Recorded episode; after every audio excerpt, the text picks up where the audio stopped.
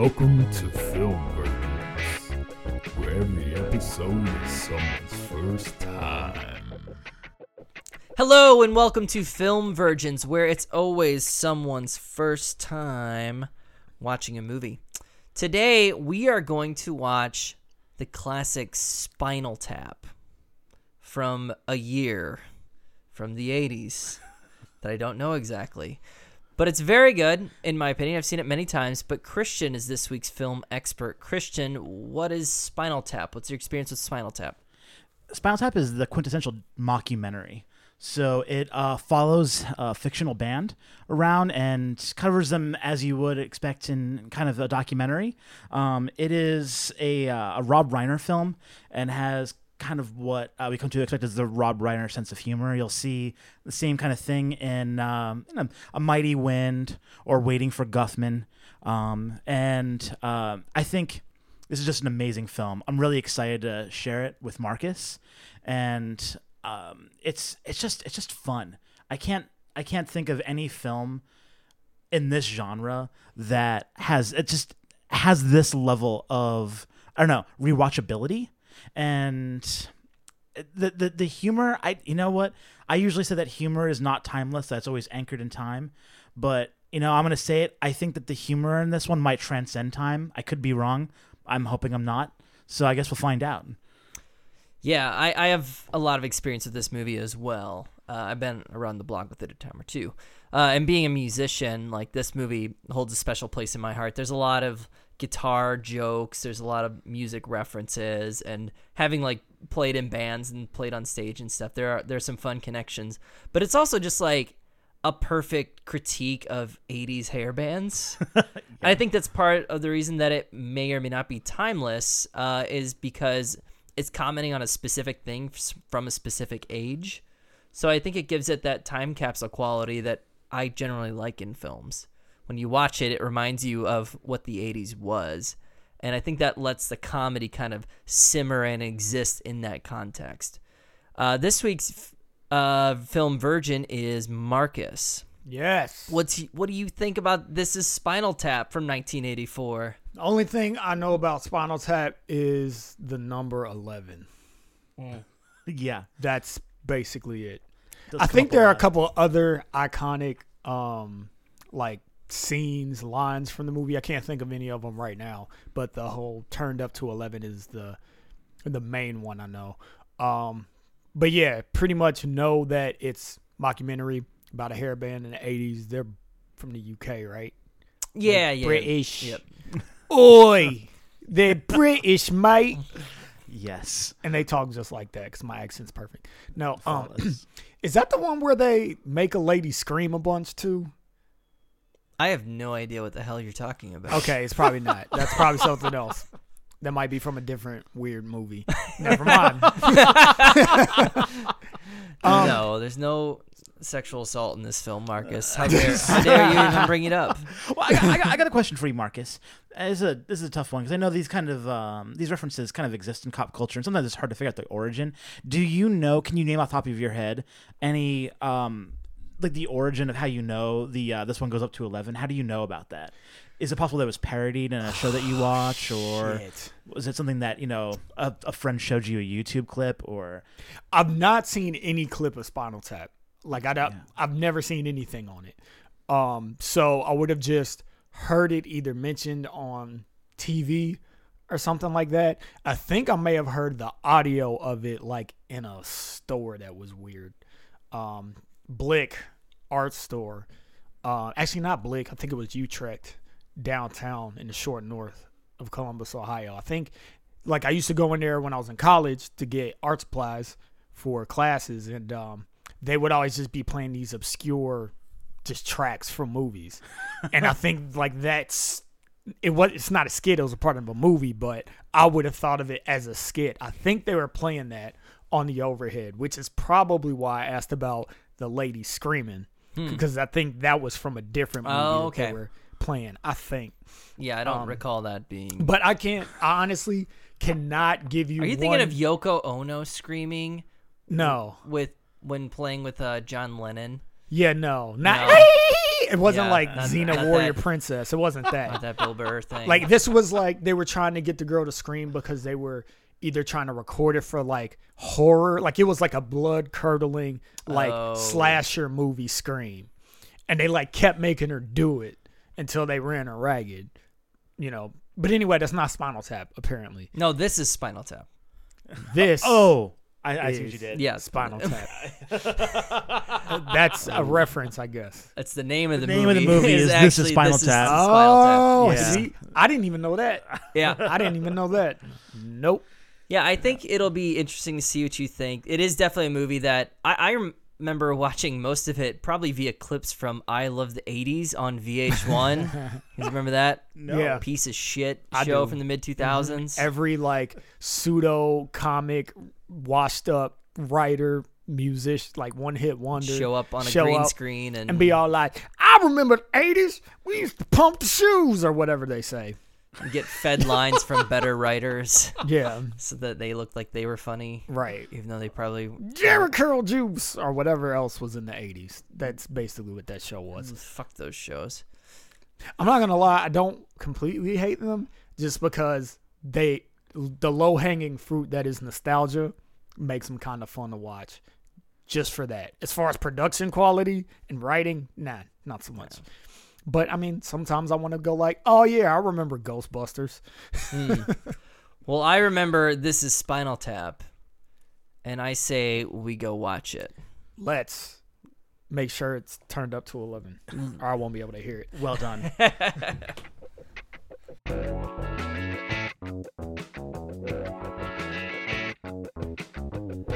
And we are back. We just watched 1984's This Is Spinal Tap, directed by Rob Reiner. Uh, this movie had a budget of $2 million.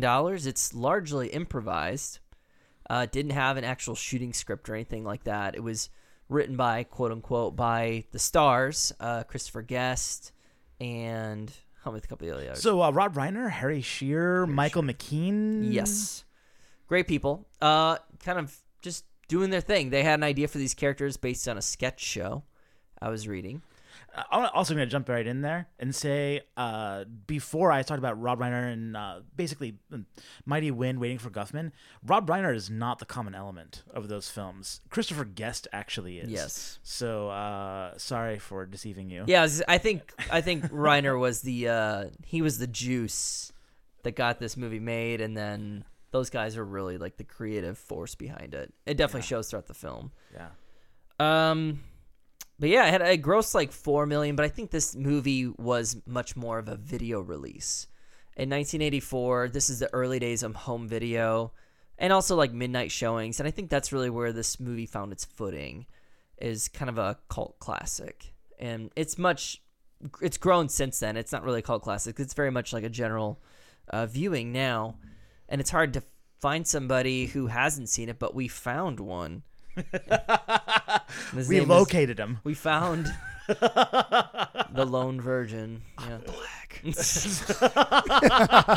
Black people don't watch This Is Spinal Tap. Is that? I mean, I'm just gonna say, I think if you like took a poll, we would be um, disproportionately unrepresented. Please tell me you took a poll. No, I didn't. I never took a poll. I wish I did, but I didn't. Hey, oh uh, damn! I'm looking at IMDb. These dudes are like old now. Yeah, they're all pretty old. Uh, Michael McKean is currently on Better Call Saul, which Oh, is all right. fantastic. He plays um, Bob Odenkirk's Saul Goodman's brother. Gotcha. Um, he's excellent in that show. If you haven't seen it, I recommend it. But Christian, could you give us a rough plot of This Is Spinal Tap? Okay. So, uh, Spinal Tap follows a um, it's a documentary made about a fictional band uh, called This Is Spinal Tap and uh, or Spinal Tap, and this is basically um, it's almost kind of uh, a combination of uh, the the Beatles and some 80s hair band, right? So this is a band that starts out really in the 60s, uh, maybe the late 50s, really early 60s, as kind of a just standard rock and roll band. And you hear a couple of the clips of things, that they, and some of it sounds like early Meet the Beatles, and maybe like one or two songs sound like kind of Sergeant Pepper. But when we meet them, they're doing basically highly sexual um, 80s hair metal crap. It's just, it's just, it's a schlock. And uh, so they play primarily to um, kind of a uh, teen male white audience, and um, you know they're in decline. Uh, and we follow them as they kind of go through some of their darkest times. Uh, as you see, their their cloud their their crowd dwindling from five thousand to fifteen hundred to five hundred to uh, twenty five angry people at a military base. um, and uh, yeah, that's it. So, Marcus, you are this week's film virgin. Yes. What was your impression of This is Spinal Tap? Um, I thought it was going to be a little more hardcore, and I guess what I mean about that is, um, in getting a sort of behind the uh, curtain look at the band, I thought there was going to be more like party aspect kind of Mhm. explored with them, like them doing crazy things, um, getting involved with the law, you know, doing coke off of hookers' bellies and stuff like that. And it really wasn't. It was really just kind of more the mechanisms of what goes on behind the scenes of a tour, like the, you know, practice, um, lounging around trying to figure out like, you know, which hotel we're gonna stay in, what we're gonna eat, so on and so forth. So, um, it didn't really ruin or make it anything more or less to me. It was just kind of like, oh, okay, this is more straight up. Because, like, when I think of hair bands and I think of a documentary involving a hair band or any band really that is going to be considered music that is the opposite of conservative, I'm sort of expecting, like, you know, rowdy, raunchy behavior. Like, oh man, he was like always coked up. He'd come to practice late all the time and like freaking flip out. He beat his woman a couple times. He beat other people's women a couple of times. Like, and it was, it wasn't, there wasn't much of that. Um, so that was interesting to me. But as far as I guess the feel of the movie, think I, I think it kind of hit exactly what I was kind of expecting. Um, now, as far as the humor goes, I was expecting to be laughing out loud more, which there wasn't a whole lot that I found hilarious in it, but it was a giggle worthy movie. It was more like Mm. I enjoyed kind of watching, seeing what was ha- what was gonna happen, the awkwardness of it, um, just things that kind of made me chuckle and go like, all right, that's silly. That's like song lyrics were my favorite. Um, I said it while we were watching the movie. The "Give Me Some Money" song is my favorite song in the whole thing. Was it the first like meet the, the Meet the Beatles? Yeah, yeah, uh, yeah, yeah. song. Yeah, yeah, yeah. That's It, it was just hilarious because it's just like, what the hell are they? Because what's awesome about their songs is they're plausible enough, right? So if they're playing in the background, like if you walk into a store and then you see like some movie that's like from the 80s or whatever era, and you kind of like, you know, write it off, don't pay it much attention, but you're kind of hearing it in the background, you're kind of like, okay, that's a real thing.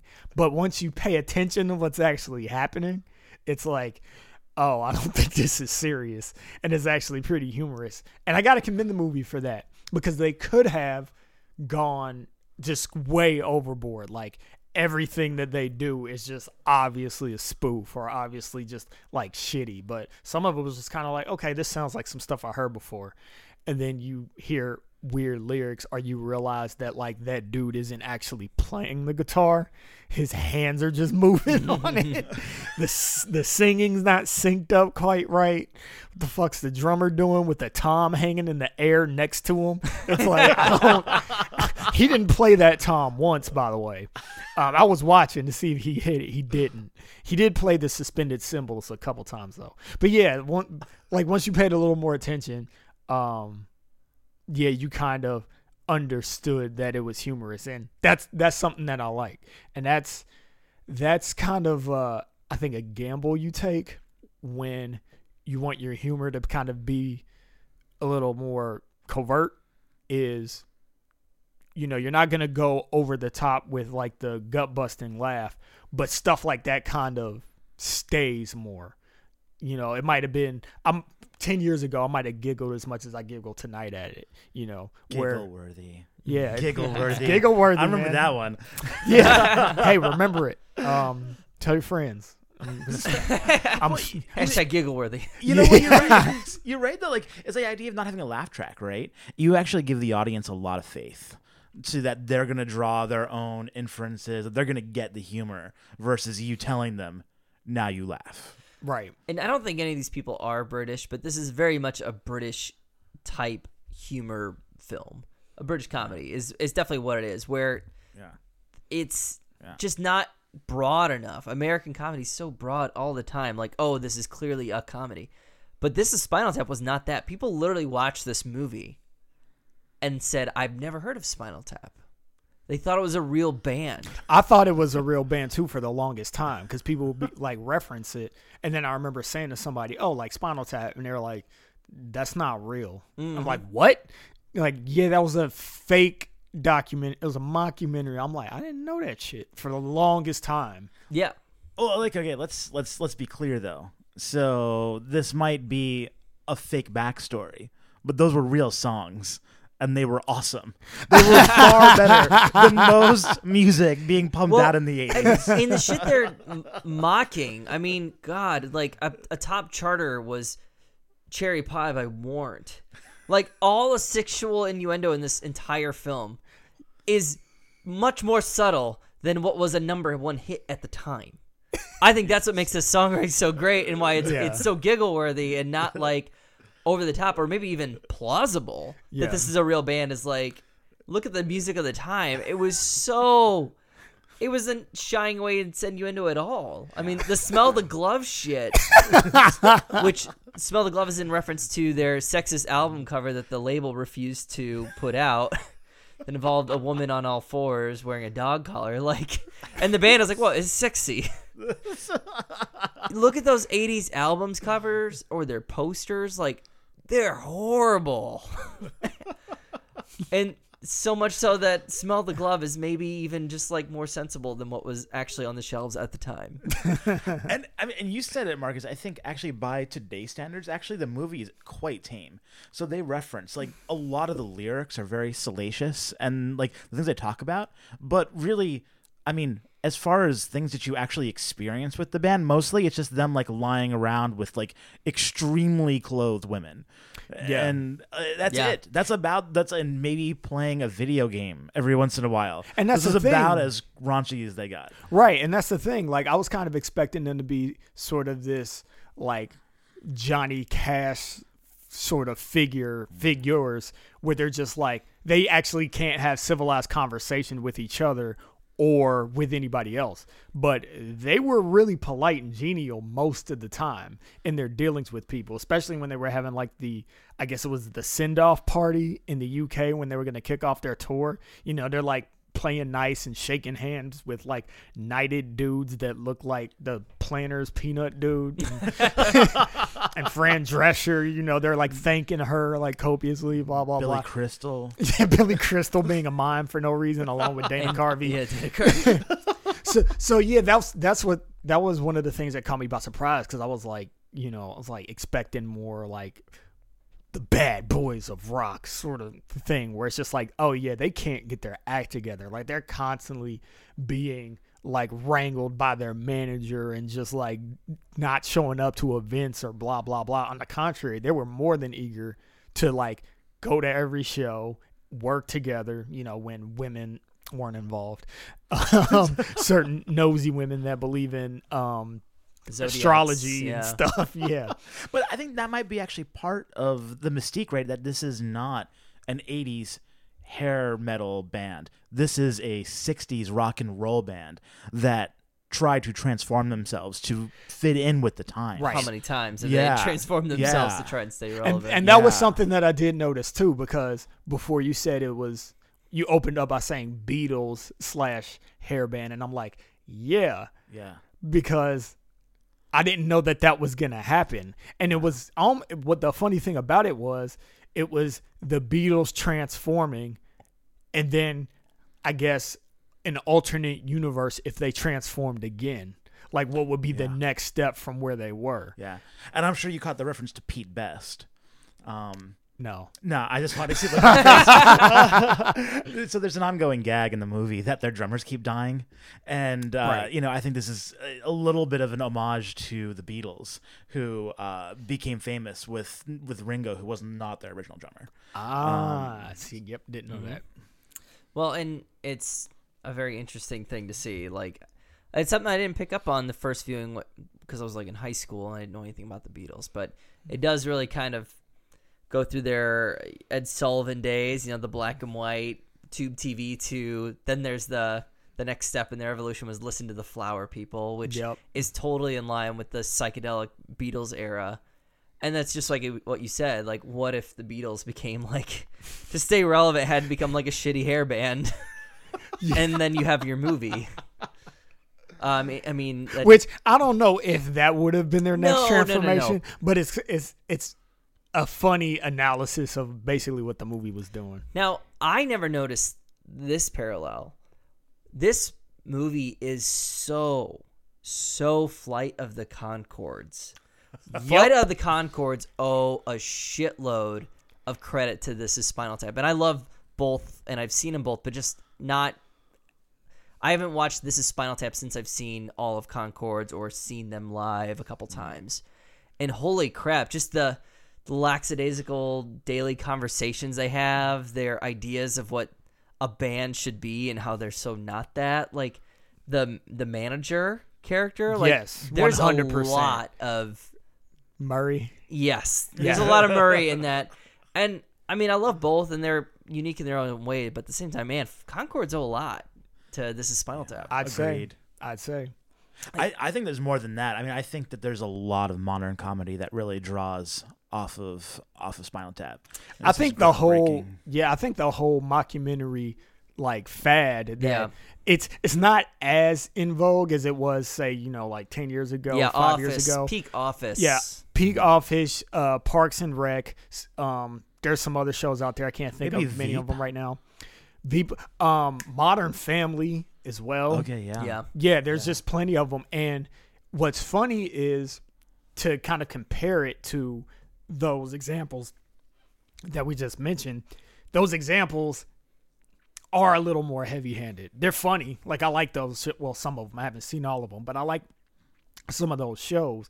But like, it's it's almost like they are the cheap knockoffs of Spinal Tap because Spinal Tap did it in a way that was so sincere that it's almost kind of like this doesn't feel like a gag.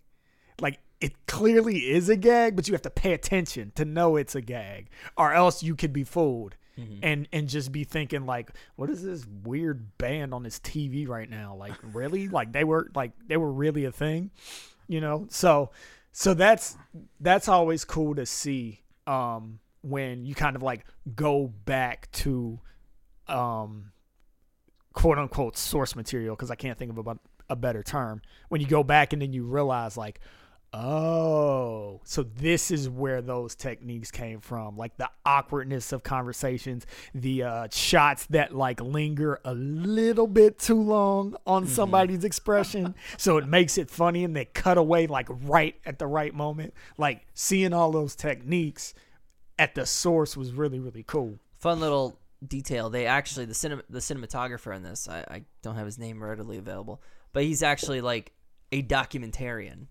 Nice. So they had you know Rob Reiner and then the cast who's clearly like doing a comedy, but then to give it that authentic feel, at least in the cinematography, they got somebody who's actually a documentarian.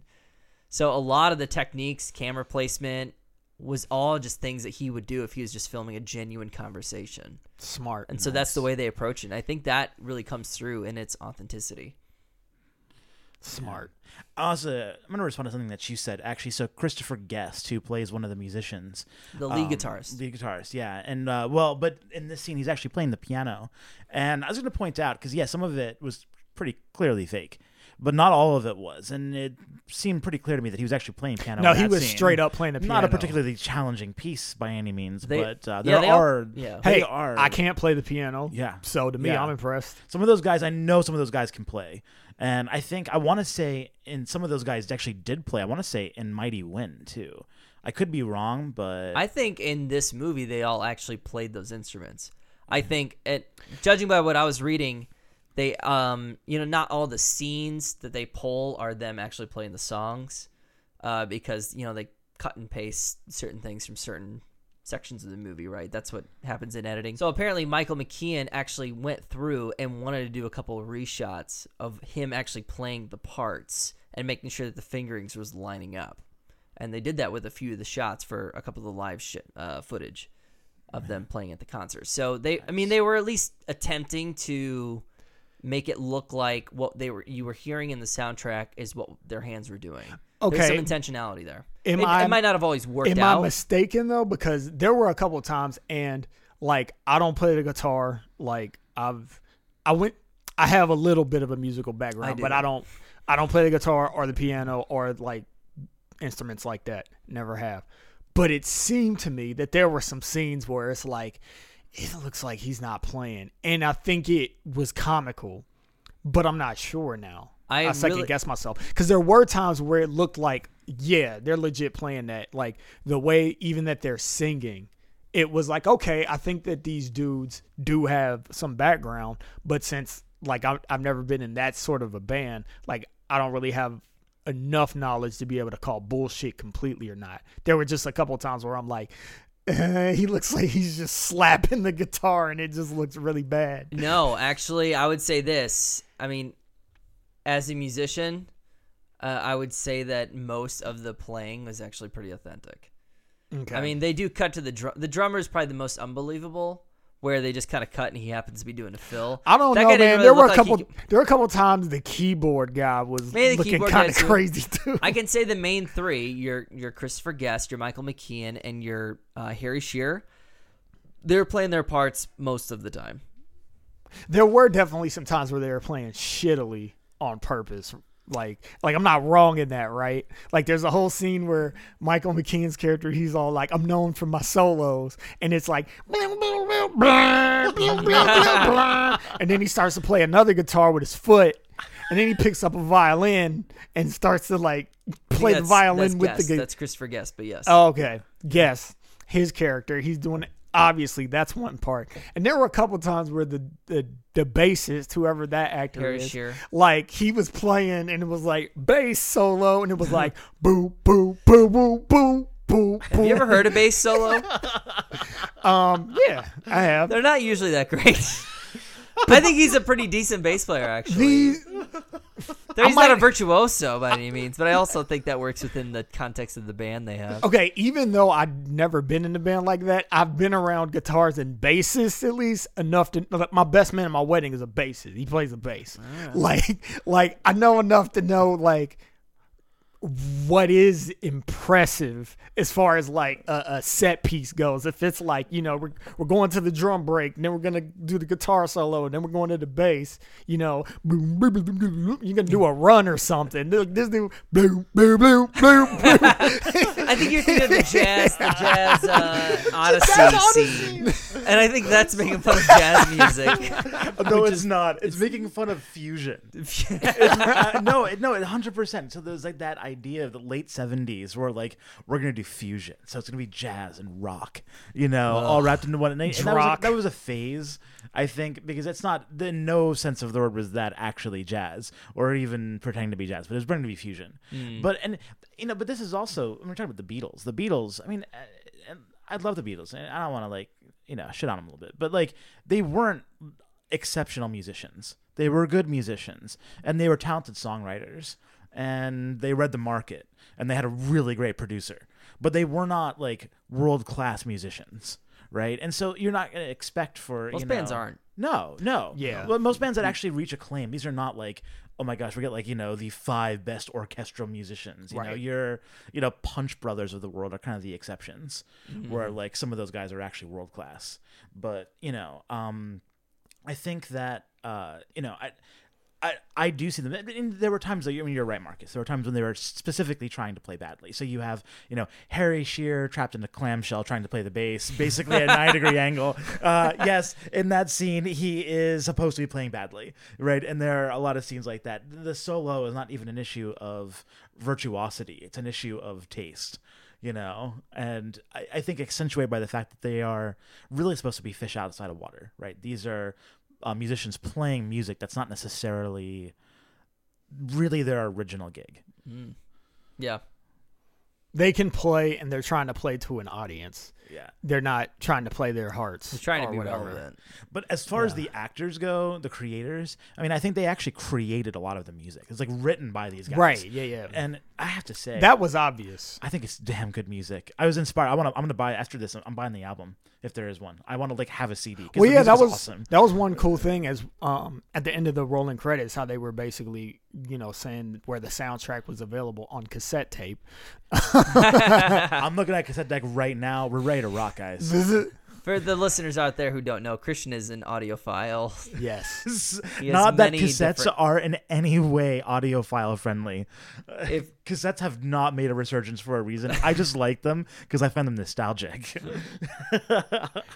A, a little side note: Travis and I went to a concert where a guy was like selling his music, and he was selling it on cassette, and it pissed me off. oh yeah, that's it's. Dude. I mean, it's fine. Like I'm fine. Like sell your shit, make your money, be creative, get paid. Like that's all good. But don't try and tell me that a cassette is actually like a quality form. No, Well, it's, the- it's nostalgia. 100%. the intent was cool. His whole Guardians of the intent was basically like to encourage people to buy his music for a unique experience, which I'm all about. Like if I go to a concert, like yeah, I'll buy your album even if I already have that album, just because it's like if I can, I'm gonna get you s- to sign it, and then I'm gonna put it with the rest of my CDs, Getting and it'll them be to cool. Sign it. That's what I should have done. That's a good point. Like Yeah, like sure. I'm all bass for players right there. I'm all We for had a show on that. Friday. Oh yeah, that's right. Um, but yeah, I'm all for that. Why I was mad was it's like I like you and I want to support you, but I'm not buying your fucking cassette tape because I don't have a fucking cassette player and I'm not gonna get one. no. No, and if, if even if you don't have a vinyl player, like at least you have the giant vinyl art that is Yeah. aesthetically pleasing. Yeah. Yeah, It's a beautiful. They make piece frames specifically for them to hang in your house. pleasing. We're It's looking at some right now. Yes, we are. And also they sound good. So like yeah, but cassette has has, has none of those. No. It was made for convenience. Yeah.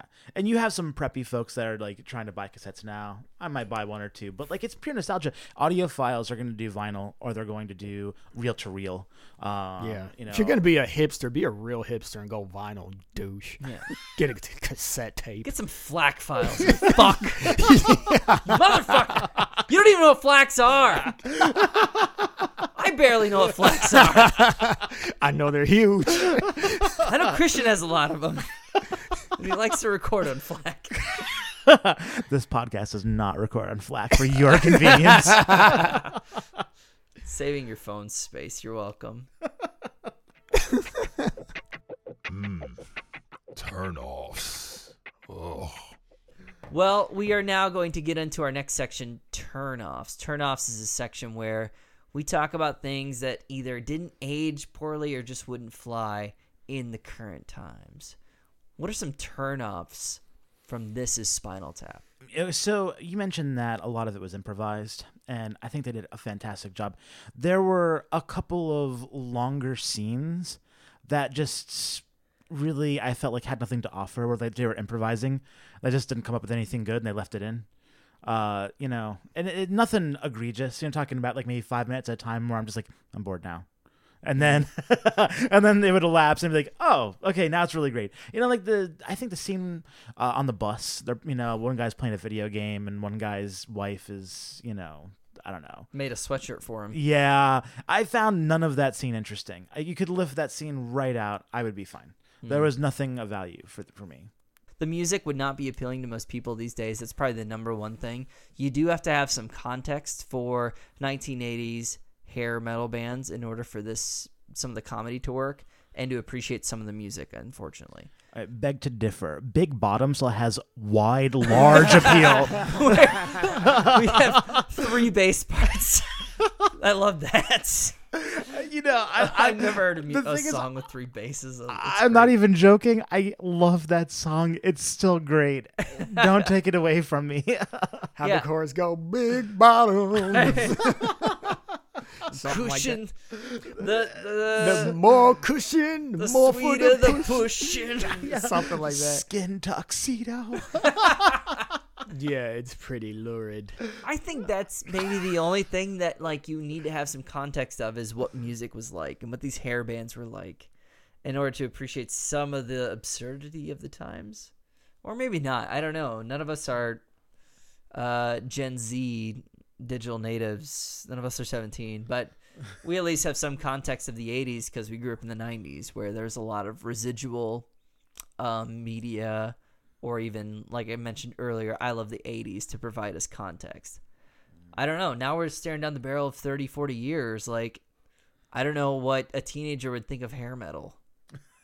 well, you know what? It's interesting that you say that. Um, this is a bit of a tangent off of that before I get into my turnoffs. Um, part of the whole thing I was saying about I was kind of expecting it to be a little bit like more R or at least more PG thirteen because like by today's standards, this movie was pretty PG. Absolutely. Honestly, There's no drugs. As, Yeah. For as much as they say sex, drugs, and rock and roll, there is no sex or drugs. yeah, I think there might have been one scene where it looked like they could have been sniffing some But powder like out of a bottle cap or something. obvious. Yeah, way. exactly. It's not in your face. It's not all the things that I was expecting it to be. But um but along with that thought, like it's funny to me to kind of hear what when people talk about metal, like original metal, hair metal and stuff like that, it's like, "Oh, okay, that's like I guess that's the precursor to like black metal, death metal, metalcore, hardcore, like all that crazy stuff." Um, but you listen to it and it's like this isn't hard. Like it's it's it's funny to imagine that there was a time where you play that in your house and your like overbearing Catholic mother is like, "Get that devil music out of here!" it's like, really? I'm like, do you hear that chord progression? Like, it's jaunty. What are you talking about? Because when I think of metal, I think, Yeah. you know, and it's, this is like, baby, gonna get my time with you. Those aren't real lyrics, but um, It's pretty good. but But again, I don't think that speaks. I mean, you're totally right. You're totally right. But I don't think that necessarily speaks to the music of the time. I think part of that is humor based on this band in transition, right? Uh, So some of it, not all of it, but some of it is that like we are to believe as the audience that this band never really escaped the '60s. That they're still playing Meet the Beatles, but they're just doing it with distortion, and they're doing it with really tight pants and cucumbers wrapped in aluminum foil, and that's yeah, fair. That's fair because I mean, yeah, they didn't sound like Black Sabbath, no, so no. That's a fair assessment. But anyway, so um, going to my turnoffs, I don't really know. Um, honestly, it's like yeah, I can't think of that many turnoffs because this movie, oddly enough, to be following this this quote unquote edgy band that was all about sex, drugs, and rock and roll. It's like one of the tamer movies we've actually watched. Yeah, totally. So there wasn't a whole lot that I'm like, oh, couldn't do that today. It's like, nah, you could do all that today. It's pretty tame. So, um, that being the case, I'll just speak to my turn off in a different way. Um, this movie just reiterates the importance of not letting any significant others get their clutches into the operations of the band. Don't do it. Don't do it. Don't Yoko's. do it. Shut down Yoko Ono as soon as you see her stupid fucking face because she's gonna ruin everything and she almost broke the band up and then they had to play a puppet show. Well, so how about like the White Stripes? That's weird. Isn't that like his wife's sister? his wife now ex-wife or something. I don't know. Yeah. And they, but, they were but like- weren't they pretending they were like siblings when yes, they first came they out? Were, they were like brother and sister, and then it was like, well, we're married, but now we're divorced. Or are we? Jack Nobody- White. yeah, they- biblical stuff. They kept it like Yeah. vague for funsies. I think. Yeah, Jack White's weird. I guess that's what happens when you're just a genius. Just fucking weird. That's one of those things where I don't know how weird he is and how much it's just like this will get attention. the persona. Yeah. Yeah. Yeah. Makes good music though. I yeah, I respect the shit out of Jack. Yeah, White. like he can he can like take a a bass line and a drum line and it's like this is a dope song. Just like how did he do that? I don't know. I, But yeah, anyway, so that that'd be my turn off. Fuck Yoko forever. mm. And Fly the Conchords, it was Coco. Brett had a girlfriend named right. Coco. Yeah. I don't remember that. Yeah, that's season one. I, I mean, I'm a huge Fly the Conchords fan, so No, I watched both seasons. I Yeah. just don't remember the Coco thing. yeah, it was like for like four episodes of the first season. He's got a girlfriend named Coco, who's perfectly nice and supportive of the band, but immediately the manager and Jermaine are like super jealous and accusing her of being a Yoko Ono when she's like nothing but supportive and nice. That's awesome. That's perfect. God, that show was great. Oh, it really is great. Was it good for you? Well, let's get into our next section. Was it good for you? And also discuss our cherry ratings. Christian, what are cherries? So Cherry is uh, one to ten scale of the goodness of the film, uh, the enjoyability, we'll say, of the film. It's the same scale as IMDb, except our ratings are correct, whereas IMDb is typically incorrect. And we have a aggregate scoring model where we average all the movies that we've seen just for this podcast, and we average them out to try and create some kind of uh, official yet arbitrary order of things.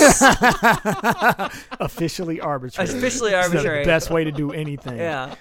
And we try to rate movies as if like this is the only movie we've seen. We only rate we only compare movies that we've watched for the podcast against each other to try and uh, provide some more polarizing Yeah, so we, Ratings. basically Shawshank doesn't exist. No. So don't get pissed if we rate something a 10 and you think Shawshank's a 10. We didn't watch it. we watched it now. And converse, conversely, Batman Forever doesn't exist. Actually, do you want better? Batman and Robin doesn't exist.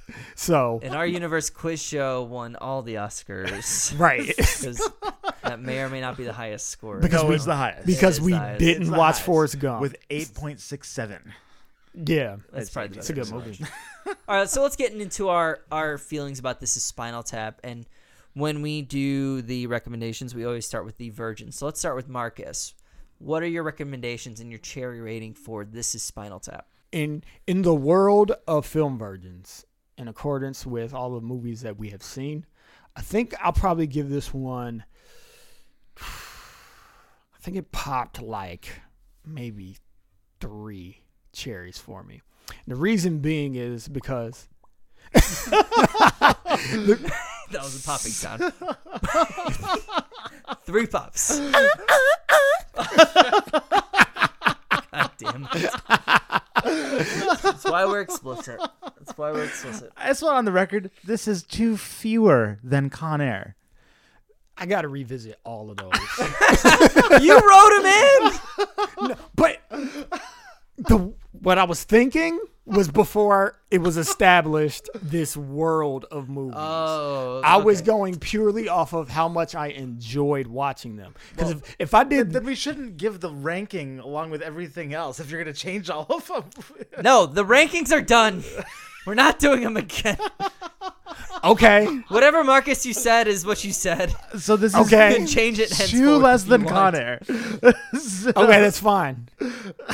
All of my rankings are false before because they were ranked under the incorrect. big hit is twice as good as Spinal Tap, according to Marcus.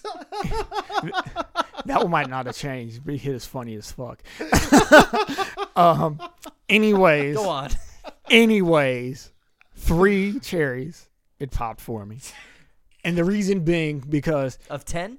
of 10 Oh, in the film virgins world. The reason being that although I enjoyed watching it and I deemed it giggle worthy, like it was just that for me. I didn't find it particularly brilliant, and maybe a lot of things are lost on me since I don't really have a proper context of like what hair metal was. I have no relationship with the Beatles. Shut up, everybody! Like that can't believe it. I didn't listen to the Beatles growing up. Sorry.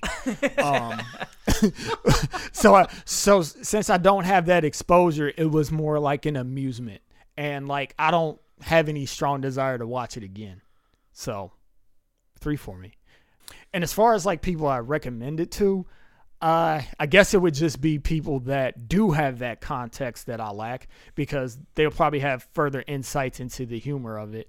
And um, I think anybody that is into the whole mockumentary phase that's kind of waning at this point, but is still alive, like it would be cool for you to go back and watch like the OG mockumentary that kind of um, spawned off the genre, whether wittingly or not. This is Spinal Tap. It's not the first mockumentary, but it's definitely the most successful, most iconic. I looked at other mockumentaries that came before it, and I hadn't heard of a, a damn one of them. So even though it's not the first, it's probably the first best one, so to speak. And I think this movie, although, I mean, you don't have a connection, Marcus, with the metal scene, I do think the humor is just goofy. A lot of it is just goofy humor. You don't need to know much about metal music or 1980s to get the humor. And for that reason, I think I could recommend this to a wide variety of people. It does have a certain uh, PG quality about it. Maybe not for the time, but for 2017, absolutely. You could show this movie to a, a 10 year old and it'd be fine. To your mom. To your mom. Oh, I could totally watch this movie with my mom. She'd have no interest in it. But You wouldn't feel awkward while you were watching. Absolutely it. not. I think this movie is for everybody. I think, although I, I wonder somewhat of the music if the music jokes translate. I think there's enough goofiness to overcompensate for that. I think it has a good dry British wit that anyone who appreciates that kind of humor, whether it's Fly the Conchords or like British Office or uh, What We Do in the Shadows, is something we didn't mention that is very much influenced by this film. That's probably like actually one of my favorite mockumentaries, but th- you know it has a lot owed to it by This Is Spinal Tap. I think I could recommend it to a lot of different people. Anyone who wants to laugh at something goofy, who appreciates dry humor. Um, it's not relegated by age or sex or anything. I think you you give this movie to anybody, and I think they'll get something out of it. For that reason, I deem it seven cherries popped. I lost count. Uh, Three more. uh, I don't even know if it's getting picked up on the mic. You're gonna have to totally like fully that in, dude. Oh, it's in my review. And I stand by it. Damn it. Oh, that's pretty good. You should do that. You're much better at this. You just have to try harder. I just ah, I got nothing. I got nothing. That's, that's not a he was like, ah. that's not a popping sound. I got nothing. Fish hook ale. Christian, your turn to talk. You're the film expert, so you wrap up the recommendations and you get the last word on the film that we watched. So All right, this film was awesome, Marcus. I don't, you know, sometimes, man, I don't get, I don't, I don't get it. That's fair. okay, so this film is amazing. You know, I think it's it's almost like a tired thing to say. You know, it's a period piece, right? So yeah, I'm gonna recommend it to anyone who loves that period, anyone who just loves the '80s, right? And they love this subculture. For the love of God, watch this movie, right? It is awesome for those people. Uh, you know, I don't even want to recommend anyone else. I mean, there'd be other people I'd recommend it to. I think you guys captured it already, but that's the one that really stands out in my head. Is you know, someone's like, you know, you ask them what their favorite bands are, they mention like, I don't know, Metallica, mention ACDC. I don't know. Watch this movie right away if you haven't. I don't know why they wouldn't have. They probably have. Yeah, yeah. it's hard to think of anyone who likes that stuff, and I, I, I keep on coming back to teenagers. I go to teenagers a lot, but teenagers like ACDC. They, you know, Do they? yes, yes, they do. Really? They like Wow. basic rock shit is what appeals to high schoolers for the most part. It's because it's what they listen to before they like do a basketball game. Maybe that was when I was in high school and I'm projecting. oh my god! I'm It's, oh it's- my god! it's I'm been a so while. old. They listen to Drake. Uh, in my Yeah. opinion, these are just like pogs. That's it. I, yeah, all right. I'm I not ta- stuck in the 90s. no, Dude, I no. just had the best image of I you went through an ACDC being a phase in grandfather. 2004. Man, I had that image of you being a grandfather going up to your hypothetical grandkids that are like 16 and 17. Like, you kids want some pogs? yeah. I got CD some ROMs. slammers. Dude, I'm gonna be the worst old person. Oh All right, I'm giving this thing an eight. I think it's a solid eight. This is a great film, and it's groundbreaking in a lot of ways. We talk about how it influenced film, and you know, I guess I don't know really to actually how much how many points to attribute for that kind of influence. But when I look at this, it makes me smile. I think there's not a lot of and I'd also say among the films that we've looked at, this is probably my favorite soundtrack so far. I love this soundtrack. Did a great job with it. It's hilarious. It's engaging. I would totally listen to it on its own. Sans film. Eight cherries. Delicious chocolate covered. well there you have it. Go watch Spinal Tap or or not, or if if you agree with Marcus. So, just to give you an idea, this film in our list of film virgins, best films, Films. of all times, Film films of all times, it's ranked seven, uh, which is a little Of bit under the. Um, so uh, we have in total. I have to actually count here. Uh, Eleven films, right? So this uh, You barely. son of a bitch, Marcus. This is you dragged it down. yeah, Look, the- the- this is worse than Payback, worse than Bad Santa. Oh, um, slightly better than Speed Racer. yeah, which is that's bullshit. Y- y'all want to get mad at me? Fuck y'all. Speed Racer is awesome. All right, all right, all okay, right. now. Okay, Fair now. enough. Oh, okay. Speed Racer, who achieved a nine from Marcus, Damn straight. and a four from Droth Travis and myself.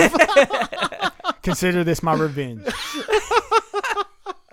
okay, um, so uh, just for comparison, uh, Spinal Tap actually got an eight on IMDb, and on Rotten Tomatoes, what did it get, Travis? Ninety-five percent. Ninety-five percent. We talk a lot about the the retrospective on those reviews are often inflated, but I think that yeah, at least for how the general public feels about this movie today, that score is accurate. If you're interested in our uh, in our ra- our cherry rating system, you can actually go to our website and see all the movies we ranked and our average scores. But now you just need to go watch This is Spinal Tap, and we are gonna have a quickie. Time for a quickie. Sure. My quickie this week is uh, I'm, I'm a comic book fan. I've been reading a lot of comics, um, and I found this great comic book. It's actually a Marvel book, which I'm, I'm much more of a DC guy, and then I've been getting more into the image stuff. But uh, uh, Marvel's The Vision, which is uh, there's two trade trade paperbacks. It's Vision Part One, Vision Part Two. It's written by Tom King, who is a former CIA agent who got into comic book writing, which is super weird. It's great. Uh, he's a terrific writer, and he takes Vision, who is, I mean, what do you know about Vision? I mean, I know a little bit because I'm a nerd, but not much other than what's probably in the movies. He's in that second Avengers movie. Right. He's he's Paul Bettany. and what the story is is that uh, the Vision is now it's his job as part of the Avengers to consult with the president on superhero matters. So he has to move to Washington D.C. and he just broke up or got divorced. I can't remember with uh, Wanda Maximoff, who is Scarlet Witch. So what he does is creates his own family and moves into the suburbs of Washington D.C. to try and like fit in as an android. And it's super interesting to watch and very existential to watch him try and blend in with suburban society. And then sure enough, spoiler alert, everything really goes to shit really fast in super dark ways that you wouldn't expect from this book. And it really works. It's a very thought provoking book. It's also just a great a superhero story that's not really a superhero plot, is what I would say. And um, I can't recommend it enough. It's called The Vision by Tom King. Get it at the library, like I did, or buy it on Comixology or whatever. So my quickie this week. Um, on Friday, I got a chance to see for the first time one of my favorite bands of all time, The Life and Times. Got a chance. Uh, Travis was kind enough to join me, give me a few sympathetic head bobs. Uh, I, They were good. They were good. I, I love them. I've been listening for for a decade, maybe longer, and uh, they're awesome. They're uh, maybe like Kansas City rock, space rock, whatever they were. Um, maybe little bit of math rock in them. The uh, the guy who headlines it, uh, Allen Epley, was in a the band called Shiner.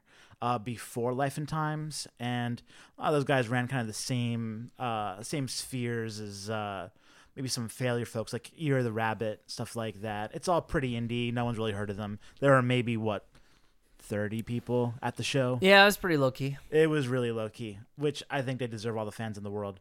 But I still love them. Super dated, I think, probably at this point. I don't know. I can't tell. But I thought it was awesome. And so, Check them out on your streaming app. heck yeah. Uh, they're great. Buy some of their merch. Rocks. So for my quickie, um, I've fallen in love with a genre of music, and I love music. Primarily, I listen to electronic music of all sorts. Um, the genre that I'm currently head over heels for right now is synthwave. If you haven't ever heard of synthwave, also called outrun by some, um, retro wave to others, it's basically a uh, style of electronic music that takes its complete and utter inspiration from 80s, I believe, called New Wave, maybe. I could be mistaken about that. But basically, any sort of electronic music that would have gone along with like a sci fi movie, cyberpunk stuff, um, sort of like Carpenter esque sort of things. If you like the the, the score from Stranger, Stranger Things, Things. is the the probably the most broad example of synthwave right now. Yeah. Um exactly. That band that scores that um or I should say two of the guys um from the group Survive actually are responsible for the score of Stranger Things. So if you like that, check out Survive. But yeah, um I can't recommend just one artist or a group of artists cuz there's so much of it that's so good. I'd have to say in my opinion, the top of the stack is um, Mega Drive, who doesn't seem to be as popular as some of the other acts like Power Glove and Kavinsky, Perturbator, Carpenter Brut, um, just to name a few. Le Matos, they I haven't haven't heard of that. good shit. Okay, I'll have to check that out. Um, Dan Terminus is also really good. But anyways, um, Mega Drive is my far and away favorite, and the album 1980X AD is fucking immaculate. It is perfect. I was listening to it on my way to the studio this evening, and like it just gets me every time, no matter how many times I listen to it. Check them out. Mega Drive, Synthwave. It's the shit. Well, thank you so much for listening. Thank you for subscribing to our podcast, giving in them downloads. Thanks you for all the feedback. And I that's all we have. I have been Travis. I've been Marcus. And I have continued to be Christian. All right, come back for more sexy movie talk next time on Film Virgins. Thanks for listening. Subscribe and look for our next episode next week. Yeah.